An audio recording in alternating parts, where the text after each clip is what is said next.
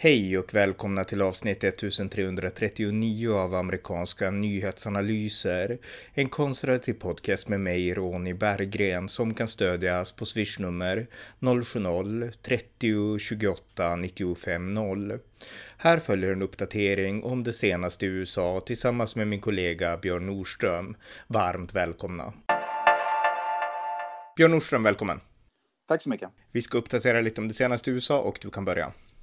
Ja, vi kan köra på ett par grejer om Black Lives Matter och den som fortfarande tror att Black Lives Matter har någonting med svarta liv att göra, att de värnar om svarta liv, de lever i en fantasivärld. Så jag kan ge ett par exempel här nu. En av, en av eh, grundarna av Black Lives Matter, kommer inte ihåg namnet, är en svart man för några år sedan som jag grundade Black Lives Matter. Han har blivit en öppen motståndare till, till, Black Lives Matter nu. Han har gått ut, och det här stämmer ju helt och hållet, han har gått ut och sagt att Black Lives Matter har inget intresse av att hjälpa svarta liv och svarta människor. De är bara ideologiska och politiska. Och han gav ett exempel på att eh, till exempel de ställer sig på lärarförbund, lärarfackförbundets sida här i USA. Och den som vet någonting om utbildning i USA, jag själv har jobbat som lärare här i USA i många år. Uh, lärarfackförbundet är den absolut det största hotet mot utbildning och mot barn i USA. Mm. Därför att de har inget intresse av, av utbildning och barn utan deras intresse är bara att, att skydda sina egna löner och sina arbetsvillkor. De struntar fullständigt i barn och utbildning och så vidare. Det, det är liksom bara, så är det bara. Och i alla fall så att han har gått ut och är nu en öppen motståndare till Black Lives Matter, att det är enbart hyckleri kring alltihopa.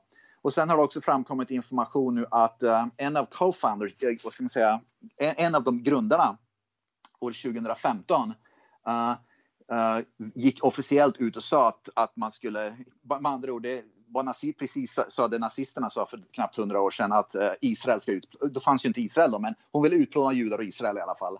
Uh, och det verkar ju tydligen vara helt okej okay med, med Black Lives Matter, att man ska utplåna Israel. Så att uh, återigen, Black Lives Matter, inte det folk tror. Nej, nej, verkligen inte. Och jag menar fördelen med det, alltså nu börjar folk vakna upp inför det. Det var inte så förra året när liksom efter död, George Floyds död och så, utan då var de, då var det poppis att liksom stödja Black Lives Matter. Vi hade till och med, jag tror det var, alltså svenska politiker, alla möjliga som liksom hypade Black Lives Matter. Men, men idag har man sett igenom dem. Alltså det, det är ju en backlash nu av enorma proportioner mot Black Lives Matter. Ja, man ser ju inte alls som, som här i USA till exempel. Det, det, är väldigt få skyltar man ser. Ett, för ett år sedan då var det Black Lives Matter-skyltar överallt, på var och varannan. Man såg liksom överallt, affärer, på tomter, liksom överallt.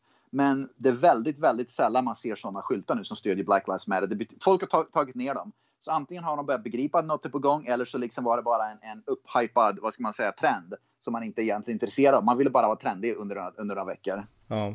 Eh, den andra stora, riktigt stora nyheten, inte bara i USA utan internationellt, det är att eh, en stor operation som här i Europa i alla fall kallas för Trojan Shield har, eh, ja, i den så har man arresterat kriminella över egentligen hela världen, över hela västvärlden. Och det här handlar om att FBI i samarbete med, eller i grund och botten FBI i samarbete med australiensisk polis, de skapade en, en app, en krypterad app som heter Anom för att man då skulle kunna kommunicera anonymt. Det finns en rad sådana appar och ofta så har de här app apparna använts av brottslingar då för att liksom kunna göra ja, men drogaffärer och liksom mord och sådana saker utan att lag, lagens långa hand ska nå dem. Och eh, för en tid sedan så knäckte ju eh, Säkerhetspolisen en av de här apparna som hette Encrochat, hette den appen. Och i den operationen så lyckades man få fast väldigt många brottslingar och då sökte ju brottslingarna en ny app då för att kunna föra hemlig kommunikation. Och då hade FBI skapat den här appen Anom eh, och eh, eh, spritt den, att det här är en jättebra app, spritt det ryktet och eh, ja, kriminella nätverk hade börjat använda appen. Så att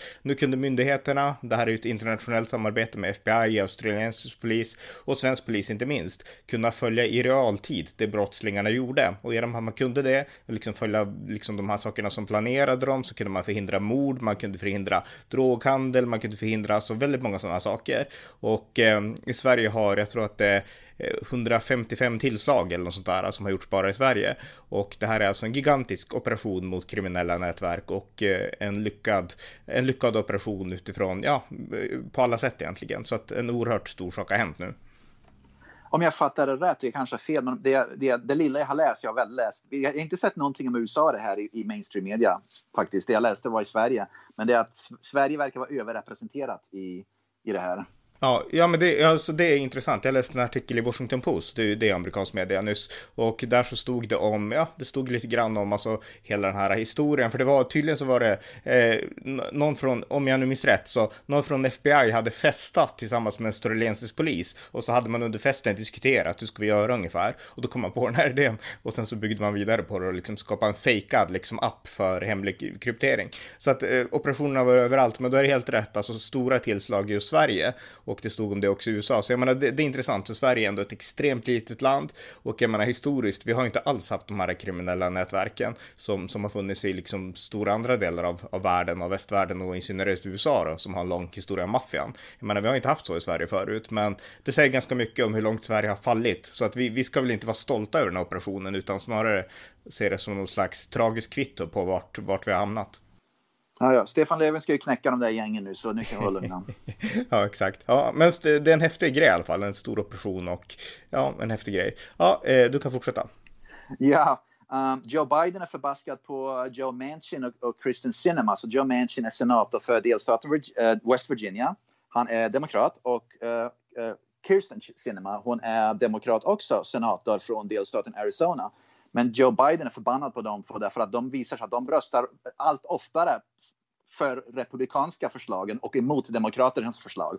Och eftersom det är 50-50 i senaten och Kamala Harris då avgörande rösten, men eftersom det är två demokrater som ofta hoppar över till republikanerna så får inte Biden igenom sina förslag, det han vill få igenom därför att hans eget parti kan inte ens få, ja, få de rösterna som krävs.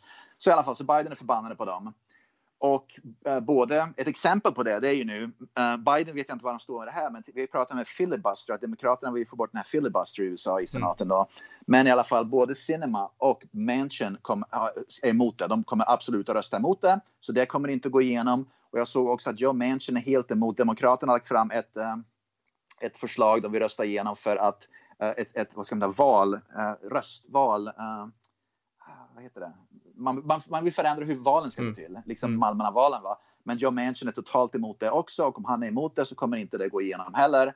Så återigen så, så får inte Demokraterna igenom, eh, igenom det de egentligen vill ha. För Manchin han har sagt rakt ut, och det stämmer ju, att Demokraternas nya valregler de försöker driva igenom i senaten nu är ju, eh, det, det, det, det, splittrar landet för mycket, det är för splittrande. Det är helt, han sa mycket av det har ingenting med valet att göra, det är liksom bara flest vill driva igenom. Men också det att det, blir för splittrande, det är för mycket bråk och för mycket splittring, att det inte det är inte ett bra läge att försöka driva igenom det nu. Så att han vill säga, det, för, debatten är för het i USA, liksom folk är för arga på varandra för att man ska göra ännu mer, eh, vad ska man säga, extrema förslag. Mm. Eh, på tal om Biden så är det så här också att han är på väg till Europa. Alltså han är på väg på en ja. utrikespolitisk resa och EU inte minst, dit kommer han att komma. Och eh, Europarådets president eh, Charles Michel, han sa så här att America is back, sa han. Så här ungefär samma, samma slogan som Joe Biden brukade använda när han vann valet. Så att jag menar, det här är, ja, det är en viktig resa för relationen, men jag tycker att det är så patetiskt att en ledare för Europa använder Bidens egen slogan. Och vi ska komma ihåg att när Trump var på väg att lämna Vita huset, när det bara var några veckor kvar, då var Mike Pompeo, utrikesministern då under Trump, han skulle resa till Europa, men det var ingen europeisk ledare inom EU som ville ta emot honom, så, så resan vart inställd. Helt patetiskt, men det hände. Men nu så kommer Biden dit och så slår man upp öppna dörrar, så det här visar verkligen att EU-eliten, de är ju helt totalt dränerade i vänsterliberalism och de vill inte ha en liksom bred relation till USA, utan de vill ha en relation med demokraterna och det är helt, det är helt patetiskt. Med det sagt så hoppas jag ändå att resan går bra, att Biden ändå liksom stärker relationer med NATO och sådär. Men, men liksom patetiskt agerande att, att använda Bidens slogan, tycker jag. Ja visst, jag kan också nämna att, att jag, jag har fortfarande inte lyckats klura ut vad Biden har åstadkommit ärligt talat. Och han åstadkom egentligen ingenting. Och jag vet inte ens egentligen vad han vill här. Men, och det är det som är, så, som är, som är vad ska man säga, oroväckande med, europeisk, med, med Europa med, med också. Att, att Europa verkar inte ha något intresse av att det är någon som ska försöka förbättra någonting. De vill bara ha, det är bara en ideologisk koppling de vill ha oavsett mm. om personen är kapabel eller vad de, som sagt ingen vet vad Biden vill. Jag tror inte ens uh, de han ska träffa vet vad Biden vill. Men det, jag tror inte det spelar någon roll faktiskt. nej, nej, exakt. En sista sak om Biden i det här sammanhanget också, det är att han, det har ju rapporterats att, eller ryktats om att han kanske inte ska ställa upp 2024 för att han är till åren kommen och att han kanske ja. inser det själv. Men nu har det kommit en ny rapport om att Biden ändå verkar yttrat sig om att jo, men han vill, han vill liksom ställa upp för omval om um, tre år, 2024. Så att, uh, ja, han verkar ändå luta åt det hållet. Sen får vi se vad verkligheten liksom, vad det innebär praktiskt och så, men ja. Jo, precis. Men tre, när, du är, när du börjar hamna i 80-årsåldern så blir tre år det ganska lång tid. Ja, vi får se. Ärligt mm. talat. Ja. Mycket kan hända. Ja. ja, något annat? Ja, Seattle, Washington, uh, det är en vänsterliberal stad och det här liksom speglar ju hur galet staden är, liksom hur, hur, folk tänker. Och jag, förstår, jag förstår inte riktigt vad de försöker få fram med det här. Så de, Seattle, Washington har en, en, kallad, en så kallad waterfront, med andra ord, de har havet där och sen så här, de vill lägga ut motsvarande typ 6 uh, uh, miljarder kronor, 700 miljoner dollar, på att bygga en, en slags, uh, liksom, ja, en slags eh, utefter kusten då vid, vid staden Seattle så att det ska bli någonting för människor att vara i. Men de har konstaterat att, att Seattle som stad är, bygg, är så rasistiskt byggd från början att man måste bygga en helt ny typ av, av antirasistisk, uh, vad ska man säga, man måste bygga någonting antirasistiskt alldeles vid havet. Och, och jag, jag, har inte, jag har svårt att förstå vad, vad, man bygger för att göra det antirasistiskt. Normalt bygger man ju till exempel vad som heter trottoarer, man bygger vägar, man bygger parker, man bygger olika byggnader naturligtvis. Men jag har svårt att förstå vad de ska bygga för att göra någonting som är motsatsen till det Seattle redan har byggt. För att det ska bli antirasistiskt. Jag, jag begriper inte vad, vad konkret det betyder. Nej, jag fattar ingenting. Men de ska spendera 6 miljarder spänn av skattebetalarnas pengar på det i alla fall. Ja, det är helt galet och det är så synd för det är så vackert där borta på västkusten och att, att det är sådana galningar som styr det. Ja, det är tråkigt helt enkelt. Ja. Mm. Eh, ja, eh, nå något annat? Ja, poliser skjuts i kors och tvärs. Det var någon polis i USA här nu som sköts ihjäl. Eh, bara vad det går i New York eller vart nu var i alla fall. Så bara för några dagar sedan såg jag att 128 eh, poliser har blivit skjutna redan i USA. Och det är väl, hur många dagar är det? Det är nästan en om dagen, hör du. Alltså det, i, i år eller? I år, i år, i år, förlåt, i år. En, man snittar nästan en polis, en polis blir skjuten per dag ungefär nästan i USA. Hmm. Och vi, vi, såg, det var en polisskjutning var i Minnesota för inte så länge sedan heller. Ja, jag måste kolla upp det där. Um, där, jag måste kolla upp vilken delstat det var. Jag tror det var Minnesota, det var någon som blev skjuten. Och det blev, jo, det var i Minneapolis med. Det var ju massa, eh, bara för några dagar så var det massa upplopp i, i Minneapolis då, för att det var en, en, svart man som blev skjuten av polisen. Och det blev ju massa upplopp och de brände ju ner halva stan igen. Och, och, och i år igen. Uh, men det spelar ingen roll att nummer ett, personen, den, den svarta mannen i fråga, bar vapen. Olagligt bar vapen. Nummer två, han hade just dunkat sönder sin flickvän. Så han hade just begått en grov misshandel av flickvännen. Och han hade ett enormt långt eh, kriminellt, kriminellt eh, historia av, av, arresteringar och sånt där. Va? Men att tydligen så är det helt okej okay att, att bära vapen illegalt och dunka ner sin flickvän. Och sen dra på, bokstavligen dra på pistolvapen mot poliser. Då, man, man är fortfarande offer om man blir skjuten. Mm. Helt ja. vansinnigt. Ja, ja, verkligen. Ja, eh, något annat? Uh, ja, uh, Biden har i alla fall fått... Uh, en federal domstol har satt stopp för uh, ett, par ett par saker som Biden vill åstadkomma. en sak som Biden ville göra det är med, med, med corona, covid, pengar som han ville spendera. Mm. Och Biden ville spendera de pengarna på att hjälpa framförallt minoriteter och kvinnor. Med andra ord, vita män ska, komma, ska få vara sist i kön. Mm, och en federal domstol i alla fall har förbjudit det därför att det är diskriminering helt enkelt. Så att det finns i alla fall vettiga federala domstolar fortfarande tack och lov som helt enkelt sätter de, stopp De stoppar att... alltså raskvotering kan man säga. Precis, raskvotering och könskvotering får inte vara anledningar för att man ska få, vad ska man säga, statlig hjälp under coronakrisen. Uh, helt enkelt. Nej, just det. Ja. Ja, okay. det är bra. Ja. Och även nu så har eh, en federal domstol beslutat, vilket är bra för de som vill ha mer kontrollerad invandring, att um, det finns någonting som heter TPS här som heter uh, Temporary Protected Status. Som andra ord, säg att du kommer till exempel från ett land som El Salvador eller Guatemala eller länder där det liksom är råder konflikt men, det men, men du, får inte, du är inte permanent flykting utan du kommer hit temporärt under under liksom ett par år till konflikten är löst. Mm. Om man tänker sig då som Balkan i Europa under några år. Uh, eller Syrien då kan man tänka sig uh, som skedde då. Va? I alla fall de personerna som har kommit hit till USA under den, den statusen, temporary protected status. Tanken är alltid att de kommer hit, de får stanna här temporärt under ett eller två, tre år tills saker och ting i hemlandet förbättrar sig och då ska de åka tillbaka helt enkelt. Va?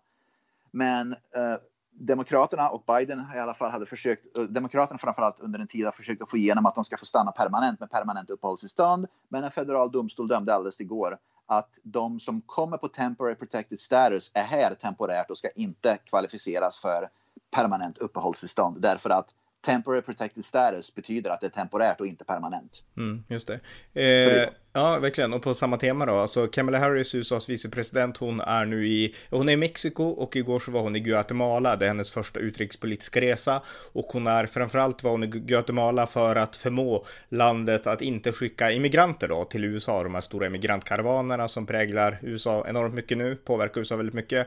Och eh, hon åkte dit och hon upprepade det som Biden sa för några månader sedan. Do not come here, sa hon till immigranterna. Så att istället för att bygga en mur som fungerar, det vet vi bevisligen nu, så åker man dit för att vädja till folk att inte komma. Eh, och jag gjorde faktiskt en podd om det tidigare idag, så att jag ska inte liksom repetera det här. Men det intressanta nu är att Kamala Harris, hon var ju ändå väldigt så här eh, pro-invandringsförespråkande när hon var liksom kandidat till, till, till ja, presidentkandidat i primärvalet. Och eh, hon är definitivt liberal i den här frågan, hon har inte ens besökt gränsen än. Men nu gör hon ändå ett hårt uttalande och försöker varna folk att inte komma. Och vad händer? Jo, men Alexander Ocasio-Cortez och de här eh, på vänsterkanten i partiet och jag menar, Kamala Harris själv är ju på vänsterkanten. Men nu så går Alexander Ocasio-Cortez ut och kritiserar Kamala Harris för att ha gjort det här tuffa uttalandet. Så att jag menar, ja, eh, det, det är liksom, ja, det är komiskt. Ja, och om jag inte minns fel, jag tror det var Guatemalas president som sa att, att det är Biden och, och Amerika, det är Biden, under Biden som det är de USA som skapar problemen med migrationen ja, under Biden. Mm. Ja, precis. Och det, det, är värt att nämna, för det är det vi pratar om. Det handlar om signalpolitik. Att åka runt och tala om folk, fly inte, kom inte till USA. Men samtidigt så, liksom, så har man ingen gränssäkerhet. Det liksom spelar ju ingen roll längre. Va? Nej. Så att, eh, det blir ganska komiskt det där. Men vi har också pratat om det här också förut. Att det är lätt att när man, är kampanj, att när man kampanjar att snacka både hit och dit och allt någonting. Men när man väl hamnar i verkligheten så, blir, så är migrationen ett betydligt större problem vid gränsen än vad man påstår eller man tror när man kampanjar. Att det är, ett, det är ett svårt problem att lösa om man inte har ordentlig gränssäkerhet. Verkligen, verkligen. Ja, eh, något annat? Ja, Anthony Fauci, han som då är, vad ska man säga, kanske vad heter Anders Tegnells motsvarighet i USA då. Han, det, hade i alla fall, det har kommit ut en massa e-mails. Så massa e-mails har officiellt släppts och de e-mailsen, det har varit mellan Anthony Fauci och hans kollegor kan man då tusentals e-mail de har skrivit fram och tillbaka under de senaste 18 månaderna typ.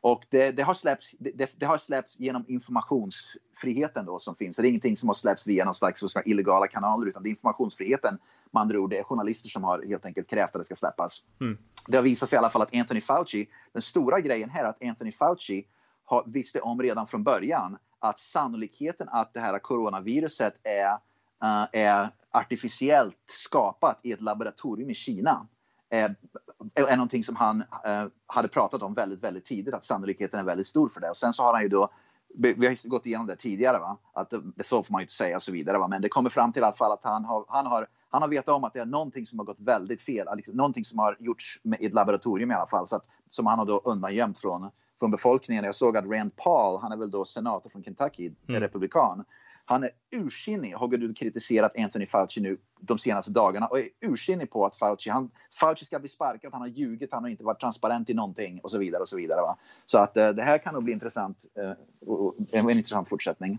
Ja, ja, verkligen. Och eh, jag personligen, jag tror att han vill skydda det där lite grann för att han var för den här forskningen som bedrevs. Han har varit för det under lång tid och så. Men, men alltså jag tycker det är viktigt för konservativa att komma ihåg att den stora skurken här, oavsett vad Fauci visste eller inte, det är Kina. För att om, ja, det, här har uppkommit, ja. om det här har uppkommit labb, då har ju Kina liksom dolt, då, då har Kina kunnat veta ännu mer än de sa att de visste. Då hade de kunnat veta exakt när det kom ut och exakt hur man skulle stoppa det. Och nu tillåter de inte ens väst att undersöka, eller WHO att undersöka liksom, liksom det man kan undersöka undersöka, så vi får fortfarande inte veta någonting. Men det mesta, allt mer ska sägas, det tyder nu på att det här uppkom nog i ett labb, alltså jag lutar mycket mer åt den riktningen nu. Och eh, jag kan säga att det har skrivits ganska mycket om det här, men det senaste är en artikel från i förrgår i Wall Street Journal som heter The Science Suggest of Wuhan Lab Leak och där är det ett antal forskare då, som skriver om att, eh, att eh, alltså, det, det, vi kan se rent vetenskapligt, alltså vi kan, vi kan diskutera saker som att forskare blev smittade, men det vi kan se rent vetenskapligt när vi forskar på viruset, det är att det här har inte utvecklats under lång tid, för då muteras det gång på gång på gång och till slut så passar det för människor och farliga för människor också. Men här har vi ett rent virus som nästan från början utan mutationer är farliga för människan och eh, enda liksom vägen att åstadkomma något sånt är att skapa det artificiellt så att de är inne också på den här linjen att förmodligen så är det ett labb, men Kina vill inte samarbeta för de vill absolut inte erkänna det här och det visar hur extremt farligt det är att tillåta länder som Kina att ens forska om sådana saker. Alltså de borde, det borde vara lika allvarligt som när vi säger att nej, Iran får inte skaffa kärnkraft så ska Kina inte få hålla på med sånt här. Det är liksom, vi måste vara glasklara nu, anser jag. Ja, absolut. Ja, eh, ja det var en instickare. Har, har du något annat? Jajamän, vi pratar ju ofta om att, att om man att det i USA, det är väl samma i Sverige, att man får, man får hetsa mot vita människor i USA väldigt mycket nu. Uh, och det görs ju det. Det var en, en psykiater och det blev, det blev lite headlines i konservativ media här, men vänsterliberal media verkar inte bry sig om sånt där dugg. Det var i alla fall en psykiater, en, en helt okänd psykiater i alla fall, men hon är tydligen känd i USA. En kvinna, det spelar ingen roll, men hon i alla fall har gått ut och sagt att hon drömmer om att skjuta ihjäl en massa vita människor. Mm. Officiellt. Så hon gick ut och liksom la ut det. Och då tycker man det borde man kunna få sparken för. för om man är konservativ då blir man ju sparkad om man, om man bara säger rena fakta. Om man säger ett fakta, då får man sparken här i USA i princip nu. Om det är någonting som är, uh, vad ska man säga, uh, kränkande på en sån. Va? Ja. Men i alla fall, hon blev inte sparkad. Hon, ingenting har hänt mot henne, utan det är tydligen helt okej okay nu att gå ut och säga att man, får, man drömmer om att skjuta ihjäl massa vita människor. Och hon var svart va, antar jag? Ja, hon var, vad ska man säga, hon, verkar hon har mer mellanöstern-utseende. Hennes namn verkar vara mer mellanöstern. Okay. Men, uh, så det är inte svart, men... Mörkhyad? Men mörk, mörk, ja, ja, precis mörkare hy. Ja, men poängen är, att, poängen är att en vit skulle aldrig kunna säga motsatsen. Liksom. Precis, ja. så det är där vi är. Att man får säga precis vad man vill om vita män framför allt. Och det, det är oerhört otäckt i USA att det har gått så långt. Och jag minns inte vem det var, men jag, det var någon politiker som hyfsat känd, minns inte vem det var faktiskt, glömde bort det, men som nämnde och sa att det här är livsfarligt därför att hon uppmuntrar ju människor i princip att gå ut och skjuta ihjäl människor och det finns, sån, det finns galningar som nu som kommer att lyssna på sådana som henne och gå och ta ett vapen och skjuta ihjäl vita människor därför att de känner sig, vad ska man säga, att de känner sig, vad ska man säga, um, de har råg i ryggen. Ja. Nu. Exakt, Precis. exakt. Nej men det är sånt här man anklagar alltid republikanerna för så fort det är en skjutning och republikanerna för vapen och liksom republikanerna, Donald Trump för en tuff retorik liksom och så här. Jag menar, det, det här är galenskap, total galenskap. Yep. Och, eh, och vänsterliberal media totalt sopar under mattan, bryr sig inte om att det har hänt överhuvudtaget. Mm, nej, verkligen. Men som sagt, det pågår också ett uppvaknande så att jag tror vi börjar se, det är början på slutet för de här liksom kritiska rasteorierna och de här andra galenskaperna som ligger bakom sådana här uttalanden. Så att jag tror ändå att det börjar, alltså jag ser ljuset i tunneln faktiskt. Ja, det gör jag med. Det, det, sakta men säkert så börjar folk vakna upp, ja. ja. Jag tänkte också på tal om vapen, du nämnde just vapen. Uh, en domstol i Kalifornien har nu i alla fall beslutat att Kalifornien har en, en gammal lag som, som uh, uh, stoppar assault weapons. det finns en lag, det finns vad, vad, vad, vad fan Militär, militärvapen brukar man Precis. säga. Mm. Ja, det finns domare i Kalifornien har i alla fall beslutat nu att den lagen är, är olaglig att ha så att därför att den bryter mot, mot second amendment. Ja, ah, just det, okej. Okay. Ja, så att de hittade tydligen någon som hittade en gammal lag som de gick till domstol med och, och fick domstolen att, att förkasta och fördöma i alla fall. Så att, just det. Ja, det, ja. Men det, det är just det här pågående, vi pratade om det förut. Delstat efter delstat efter delstat gör allting nu för att skydda second amendment. Och, och även i Kalifornien så finns det skydd för det där nu med. Så att eh, det, är inte li, det blir inte lika lätt för Demokraterna att, att vad ska man stoppa vap, amerikaner från att ha vapen som de går och tror. Nej. Men, men alltså det intressanta är, med, nu har vi pratat om kritisk rasteori och nu har vi pratat om vapen och vi pratar om att det, liksom, det kommer att bli en backlash mot det här. Det vi ser det är att den backlash som blir, den är grundad på konstitutionen. Alltså här har vi folk som vill dela in i ras och sådana saker och det bryter helt mot liksom författningsfädernas idéer. Jag menar, vi har haft rasism i USA, men det har man skakat av sig liksom. Och en comeback kommer inte vara förenlig med konstitutionen, förbjuda vapen, det är också inte heller förenligt med konstitutionen. Så att man kan se att den här tillnyktringen i USA, alltså den är grundad i konstitutionen konstitutionen, det dokument som gör USA unikt och det tycker jag det är jättehäftigt alltså. Jag har inte tänkt på det på så vis, men det stämmer ju absolut att vänsterliberalerna baserar vad ska man sina, sitt på ideologi och politik och på åsikter. Mm. Men den här backlash, precis som du nämner, det är ett perfekt sätt att förklara det på. Backlash som du nämner är förankrat i konstitutionen där eh, ofta, eller förhoppningsvis då, domstolarna kommer att döma i konstitutionen som det ska vara i konstitutionen. Va? Och det är det som gör att att det är svårt att göra USA till ett slags vänsterliberalt helvete helt enkelt. Därför att konstitutionen tillåter det inte. Nej, och det är det som är så coolt. Men tänk Europa, men vi har inte de skydden. Tänk Sverige. Nu är inte Sverige lika extremt som, som tur är. Vi är mer socialistiska, men vi är inte lika extrema och galna som USA. Det är vi inte liksom generellt. Eh, för svenskar har ett annat kynne, det har vi också pratat om. Men tänk om vi skulle hamna i samma tillstånd, för vi har inte alls den här konstitutionella beskyddet för alla de här sakerna. Det har vi inte här. Så att eh, då skulle det verkligen bli total katastrof här. Oh ja, oh, herregud ja. ja. Ja, har du något mer? Ja, Donald Trump är i alla fall intresserad av nu att, eh, och jag tror han håller på att kolla in det där nu, han, han börjar fundera på att försöka ta sig in i House of Representatives, för han vill bli Speaker of the House. Och anledningen till det, och jag tror att han vill hämnas, det är en liten hämnd som ligger bakom här tror jag. Han, han funderar på att bli presidentkandidat, men han vill också bli speaker of the house. Naturligtvis kan man inte bli bägge på en gång. Men hans intresse av att bli speaker of the house är att om, om han kommer in i kongressen, representanthuset, så med antagande då att republikanerna blir i majoritet och han då kommer att få bli speaker of the house, då kan han göra en utredning om Joe Biden och göra en impeachment mot Joe Biden. Så det är det han håller ögonen på nu i alla fall mm. och börjar snacka om. Ja, jag har läst Lite kul är det ju. Ja, lite kul, men, men de här idéerna kommer också lite från Qanon-miljöerna och så här. Alltså, så att jag menar, jag tycker att Trump, han gör sig själv en otjänst. Han gör sig till en liten person trots att, jag menar, vi kan varje dag se med allt som Biden och Harris gör att Trumps politik var grymt bra. Jag menar, ja. det är katastrof det som sker nu. Men Trump, han fortsätter att bli mindre och mindre för han ska fastna på de här små skitsakerna, att han förlorade valet och liksom, alltså han, han saknar förmågan att se framåt och det tycker jag är synd. Precis, och därför så att det är lite kul därför att det är mer underhållning än någonting annat. Det är underhållning där man ja. liksom skrattar och tycker att det här är, han liksom infikar sig i debatten och så blir det underhållning så får man garva lite grann. Det är ganska ja. roligt. Ja, så är det. Så är det. Ja, något mer? Ja. Jajamän, det finns en stad i North Carolina som heter Asheville. Vi har pratat om det här med att defund the police, bla bla bla. Det finns en stad i, Ash, i North, North Carolina som heter Asheville. Jag tror den har typ 100 000 invånare, så man får kolla upp det där. Uh, de har i alla fall 84 poliser, vilket motsvarar tror, jag, ungefär en tredjedel av hela poliskåren har i alla fall slutat nu väldigt nyligen.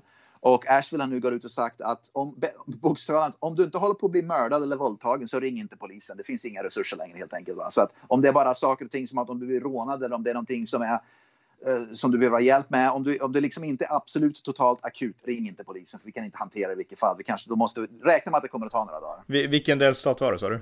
Ash, uh, Ash, uh, North Carolina. Okej. Okay. Ja, eh, just det. Mm, ja, så, mm. ja, och det är inte helt förvånande att det går åt det hållet va? Tyvärr. Nej, verkligen. Uh, och, ja, jag tänkte bara nämna en sak till. På tal, vi har pratat om det här med Twitter nu, ofta de här sociala medierna där då Trump fortfarande är bannad från Facebook. Det var ett beslut som togs för ett par år sedan i två, ytterligare två år. Men i alla fall, man ser ju verkligen hyckleriet uh, med till exempel Twitter då. Så Twitter är, grundades av Jack Dorsey och han gick ut bara för ett par dagar sedan och sa att Twitter ska, det ska vara en mänsklig rättighet. Och han har sagt det förut med, men återigen för ett par dagar sedan. Det ska vara en mänsklig rättighet att få, vara, att få sin röst hörd på Twitter. I samma veva som då Trump blir bannad, eller är bannad redan, och, och, som, och, och han vägrar att, att, låta Trump komma in på Twitter igen. Va? Och det är otroliga hyckleriet som vänsterliberalerna håller på med. Va? Ja, totalt hyckleri, verkligen. Ja, eh, något mer? Ja, uh, bara på tal om det defund the police igen. Det, att det verkar som att det håller på att ändras lite grann. Och jag tror, det är möjligt att vi nämnde det i förra podden med. Jag tänkte bara nämna det i, hast, i all hast här också. Att, att fler, fler städer börjar inse att de inte kan dra ner på poliserna. Så att man börjar man, man, tar inte pengar från polismyndigheterna längre utan man håller, man håller kvar. Utan man håller på att ändra sina beslut helt enkelt. För att man inser att i praktiken det har blivit så mycket brottslighet att man inte kan hantera det längre. Mm, just det. Mm. Ja, eh, något mer? Ja, och Joe, uh, vi nämnde i, i, jag tror förra podden att, att uh, Texas guvernör uh, eh, Abbott, Greg Abbott, skulle skriva på ett, eh, en, göra en, skriva en, en executive order, och han har gjort det nu i alla fall. Att om det finns, nu finns det en ny lag som Abbott skrev på för ett par dagar sedan bara.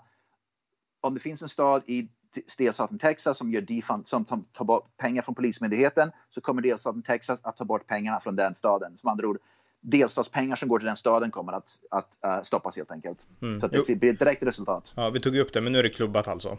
Nu är det klubbat och klart. Mm. Ja, han skrev på det för igår eller förrgår. Mm. Just det, just det. Ja. Eh, ja, något annat. Jag har inget mer så Nej, att du får köra listan.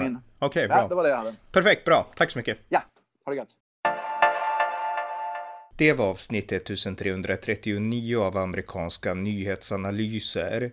En konservativ podcast som kan stödjas med en gåva på swishnummer 070-30 28 95 0 eller via hemsidan på Paypal, Patreon eller bankkonto. Det var allt för den här gången. Tack för att ni har lyssnat.